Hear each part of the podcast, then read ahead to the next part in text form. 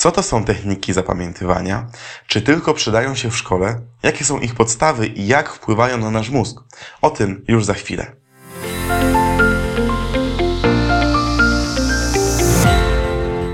Dzień dobry, nazywam się Tobiasz Boral i z wielką przyjemnością opowiem parę ważnych rzeczy dotyczących technik zapamiętywania, inaczej zwanych mnemotechnikami. Myślę, że wielu z nas miało styczność z technikami zapamiętywania, technikami szybkiego uczenia się. Dużo osób próbowało sobie tworzyć pewne historyjki, skojarzenia do tego, co się właśnie uczyliśmy. E, z różnym skutkiem. Niektórym to bardzo pomogło, inni uważają, że za dużo trzeba włożyć energii, żeby wykorzystać technikę zapamiętywania i o wiele szybciej się można nauczyć wkuwając. Dlaczego tak się dzieje? Za chwileczkę wszystko wytłumaczę. Bardzo ważne jest to, żebyśmy wiedzieli, jak działają techniki zapamiętywania, po co one są i jaki mają efekt w naszym mózgu. Po pierwsze, trzeba zobaczyć, że mózg, który mamy, jest niesamowitą maszyną. E, Pan Bóg stworzył go cudownie, ponieważ potrafi zrobić niesamowite rzeczy. E, chociażby to, że przez pierwsze trzy lata waszego życia e, mózg nauczył się języka polskiego. Dzięki temu możecie mnie teraz słuchać. E, nie umiał żadnych technik pamięciowych, nie wiedział w jaki sposób y, można połączyć ten język z innymi językami, które znamy. Po prostu słuchając jedynie e, osób wokół siebie, rodziców, rodzeństwa, e, zaczął uczyć się mowy, zaczął uczyć się rozumienia tej mowy, e, tworzenia pierwszych zdań i nauczył się języka. Co oznacza, że naprawdę e, nasz mózg jest niesamowicie zaawansowaną maszyną, która potrafi naprawdę super szybko się uczyć. Bo podczas tych trzech lat nie tylko uczył się języka, ale o wiele więcej innych ważnych umiejętności nabył.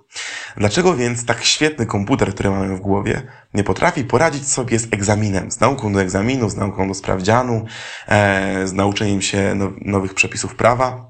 Już tłumaczę. Nasz mózg e, spożywa bardzo dużo energii. Do piątego roku życia, działając na najwyższych obrotach, konsumuje około 50% energii dostarczanej do organizmu. Mniej więcej w okolicach piątego roku życia mózg zaczyna wchodzić e, w taki stan e, inteligentnego lenia. W taki sposób go nazywam. E, dlaczego? Ponieważ musi ograniczyć ilość spożywanej energii. Nie jesteśmy w stanie dostarczyć mu tyle energii, żeby był w stanie pracować na najwyższych obrotach przez cały czas. Naukowcy próbowali kiedyś dojść do wartości, jakie byśmy musieli, ile kalorii byśmy musieli dawać naszemu organizmowi, żeby mózg mógł działać na 100% swojej mocy. I według wyliczeń jest to nawet 40 tysięcy kalorii dziennie, czyli mniej więcej 15 e, do 20 razy więcej niż obecnie e, każdy z nas codziennie e, zjada. Myślę, że to są wartości niemożliwe dla nas w tym momencie do, do przetrawienia, do zrealizowania. Dlatego mózg jest inteligentnym leniem. Robi tylko to, co jest dla niego potrzebne, ważne, co go interesuje.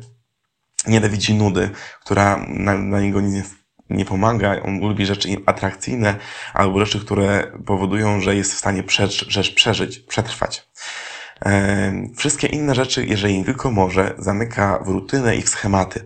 Chociażby mm, dla przykładu, myślę, że każdy z nas, kiedy chce wpisać numer PIN do karty debetowej, to o wiele łatwiej mu wpisać go ręcznie, niż przypomnieć sobie i powiedzieć go na głos. Dzieje się tak, ponieważ nasz mózg włożył tą informację w pamięć mięśniową i nie angażuje się w momencie wpisywania kodu PIN i nie musi aktywnie przypominać sobie tej informacji, stąd ta informacja jest tam gdzieś daleko zaszyta wśród naszych neuronów. E, innym przykładem chociaż jest zawiązywanie sznurówki u naszych butów. Kiedy zawiązujesz buty, myślę, że nie myślisz, jaki dokładnie ruch następny musisz wykonać, robisz to automatycznie. E, I to jest bardzo potrzebne, bo nasz mózg może zaoszczędzić bardzo dużo energii. Jednakże to powoduje, że nie potrafimy się uczyć. Bo nasz mózg nie zawsze chce się uczyć tego, co jest e, dla nas ważne, bo uznaje, że to nie jest istotne. I w jaki sposób zapanować nad naszym mózgiem, żeby się uczył tego, co chcemy? Są dwie takie dobre drogi. E, jedną z nich są emocje. Emocje bardzo dobrze zapamiętują informacje. Myślę, że każdy albo większość z Was, którzy urodzili się przed 1995 rokiem, pamięta dokładnie, co robił, w jakich był okolicznościach, e, kiedy usłyszał o ataku terrorystycznym na World Trade Center. Mimo, że to był jeden z wielu dni, jednak informacja, która była obarczona wieloma emocjami, które na nas wpływały, spowodowała, że mózg zapamiętał tę informację o wiele lepiej. Kiedy się pytam takich osób, e, co robili dzień wcześniej, godzinę później, e, to już nie pamiętają. Czyli moment emocji jest bardzo dobrym momentem zapamiętywanym przez nasz mózg. Jednak emocje mają duży problem. Mamy z nim bardzo duży problem, bo nie potrafimy nad nimi w pełni zapanować. One są pewnym wskaźnikiem tego, co się dzieje w nas, więc bardzo trudno je w sposób sztuczny wytworzyć i kontrolować. Dlatego o wiele lepszym sposobem na zaangażowanie naszego mózgu jest wyobraźnia. Jak działa wyobraźnia? Już pokazuję. Zrobimy mały eksperyment. Powiem Ci teraz trzy słowa, a Ty proszę wyobraź sobie je. Uwaga. Pies, obiad, Paryż. Super. Myślę, że na 99%, e, kiedy powiedziałem słowo pies, wyobraziłeś sobie jakiegoś psa. Jeżeli masz psa, to twojego psa. Jeżeli znasz jakiegoś psa, to jakiegoś znajomego psa. Jeżeli nie, to jakiegoś przykładowego psa. Czyli twój mózg, że tak powiem, olał to, że powiedziałem, em, wyobraź sobie słowo. Nasz mózg nie myśli słowami, myśli obrazami. Od razu przemienił słowo w obraz. Bardzo rzadko się zdarza, że ktoś z osób, które w naszej szkole e, bez brain mu robi ten test, e, mówi, że wyobraził sobie słowo. Raczej wszyscy wyobrażamy sobie obrazy. Kiedy powiedziałem obiad, Prawdopodobnie nie zobaczyłeś jakiegoś abstrakcyjnego obrazka talerza, tylko konkretny obiad, który lubisz, albo który zaraz zjesz, albo który zaraz zjadłeś. Najczęściej e, osoby mówią e, według moich statystyk o schabowym i o spaghetti. E, jeżeli powiedziałem natomiast Paryż, to twój mózg zaczął mieć pewien problem bo Paryża nie da się sobie wyobrazić, e, ponieważ Paryż jest zbyt duży. Jeżeli byśmy chcieli go zobaczyć z lotu ptaka, byłby bardzo podobny do wszystkich innych miast. Dlatego nasz mózg zaczął szukać skojarzeń. I prawdopodobnie, o ile nie mieszkasz na co dzień we Francji, albo nie masz bardzo dużo, e, nie, nie masz wielu wycieczek do Francji, do Paryża i wielu skojarzeń z tym miejscem, wyobraziłeś sobie prawdopodobnie że wieżę Eiffla. Jest to skojarzenie, którym mózg sobie upraszcza wyobrażenie tej, e, tego słowa, tego wyrazu, tego pojęcia. To ten prosty eksperyment pokazuje nam, jakie są podstawy wszystkich technik pamięciowych. Są one opisane w trzech krokach. Na początku trzeba sobie skojarzyć daną informację. Jeżeli ona nie jest prostym obrazem, takim jak pies, to nasz mózg sobie musi przetworzyć obiad, na przykład schabowego, a Paryż na przykład wieżę Eiffla. Później trzeba włączyć wyobraźnię, czyli skojarz i wyobraź. Ta wyobraźnia ma bardzo konkretne swoje punkty, pewne zasady, w jaki sposób tworzyć wyobra wyobrażenie, historię, żeby to działało. Bo nie każda historia, nie każde wyobrażenie gwarantuje Tobie, że dobrze zapamiętasz tą informację. Ale to już jest bardzo konkretny temat, który trzeba bardzo dużo um, E, zrozumieć, wejść i przetrenować, żeby zrozumieć, w jaki sposób tworzyć e, dobre historie. E, ale jeżeli już stworzysz tą dobrą historię, to jeżeli chcesz, żeby ta informacja została w Twojej głowie na dłużej, należy później zrobić trzeci krok, czyli powtórzyć. I powtórzyć aktywnie, a nie pasywnie. Pasywna powtórka to jest to, co zwykle robimy, czyli tak zwane wkuwanie. Cały czas czytamy w kółko tą samą informację, czytamy podręcznik, czytamy zeszyt, słuchamy po raz kolejny wykładu i nasz mózg nie angażuje się w tą powtórkę. Więc potrzebujemy, żeby zapamiętać coś mnemotechnicznie, sobie to skojarzyć, wyobrazić i powtórzyć. I wszystkie techniki zapamiętywania, wszystkie mnemotechniki opierają się na tych trzech krokach. Jeżeli chcemy coś zapamiętać na krócej, można ewentualnie pominąć powtórkę, e, jednak jeżeli chcemy zapamiętywać coś trwale, ta powtórka w odpowiednich odstępach czasu, w odpowiedni sposób powinna być zawsze wykonywana. I teraz myślę, że warto się zastanowić, jaki jest cel mnemotechnik. Kiedy rozmawiam z rodzicami przychodzącymi do szkoły bez brain, żeby zapisać swoje dziecko, mówię im bardzo ważne informacje. Techniki zapamiętywania nie są celem kursu, nie są celem naszych ćwiczeń. One są drogą. Dzięki temu, że Twój mózg wykona wiele ćwiczeń związanych z zapamiętywaniem za pomocą średnictwem technik pamięciowych za pośrednictwem wyobraźni, po pierwsze wytworzy mnóstwo nowych połączeń między neuronami, wytworzy mnóstwo neurotrofin, specjalnej takich substancji, która odżywia nasz mózg, co powoduje, że nasz mózg sam z siebie zaczyna zapamiętywać lepiej. On sam z siebie zaczyna o wiele lepiej działać. To jest tak jak z pójściem na siłownię. Kiedy biegamy na bieżni, biegamy w miejscu, to nie wykonujemy żadnej sensownej pracy ale nasz organizm zaczyna się lepiej czuć, mamy więcej sił, mamy lepiej dotlenione komórki ciała i czujemy się lepiej. Dlatego trening mózgu bardzo mocno poprawia kondycję naszego mózgu i pozwala nam po prostu uczyć się lepiej.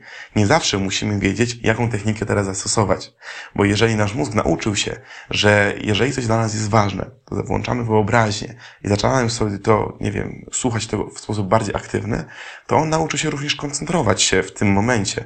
Nauczył się też słuchać naszych potrzeb. To jest niesamowite, jak dużo osób mówi mi e, po, po kursie, e, dużo dzieci e, o rzeczach, że pomogły im te techniki zapamiętywania w rzeczach, których w ogóle nie ćwiczyliśmy. Bo mózg za, zaczął uczyć się, e, w jaki sposób właśnie funkcjonować, w jaki sposób się uczyć, co jest dla nas ważne. Dlatego E, techniki pamięciowe, które są świetne i mogą naprawdę bardzo mocno przyspieszyć nam naukę. E, mogą na, na przykład dać możliwość nauczenia się nowego języka w stopniu komunikatywnym w miesiąc.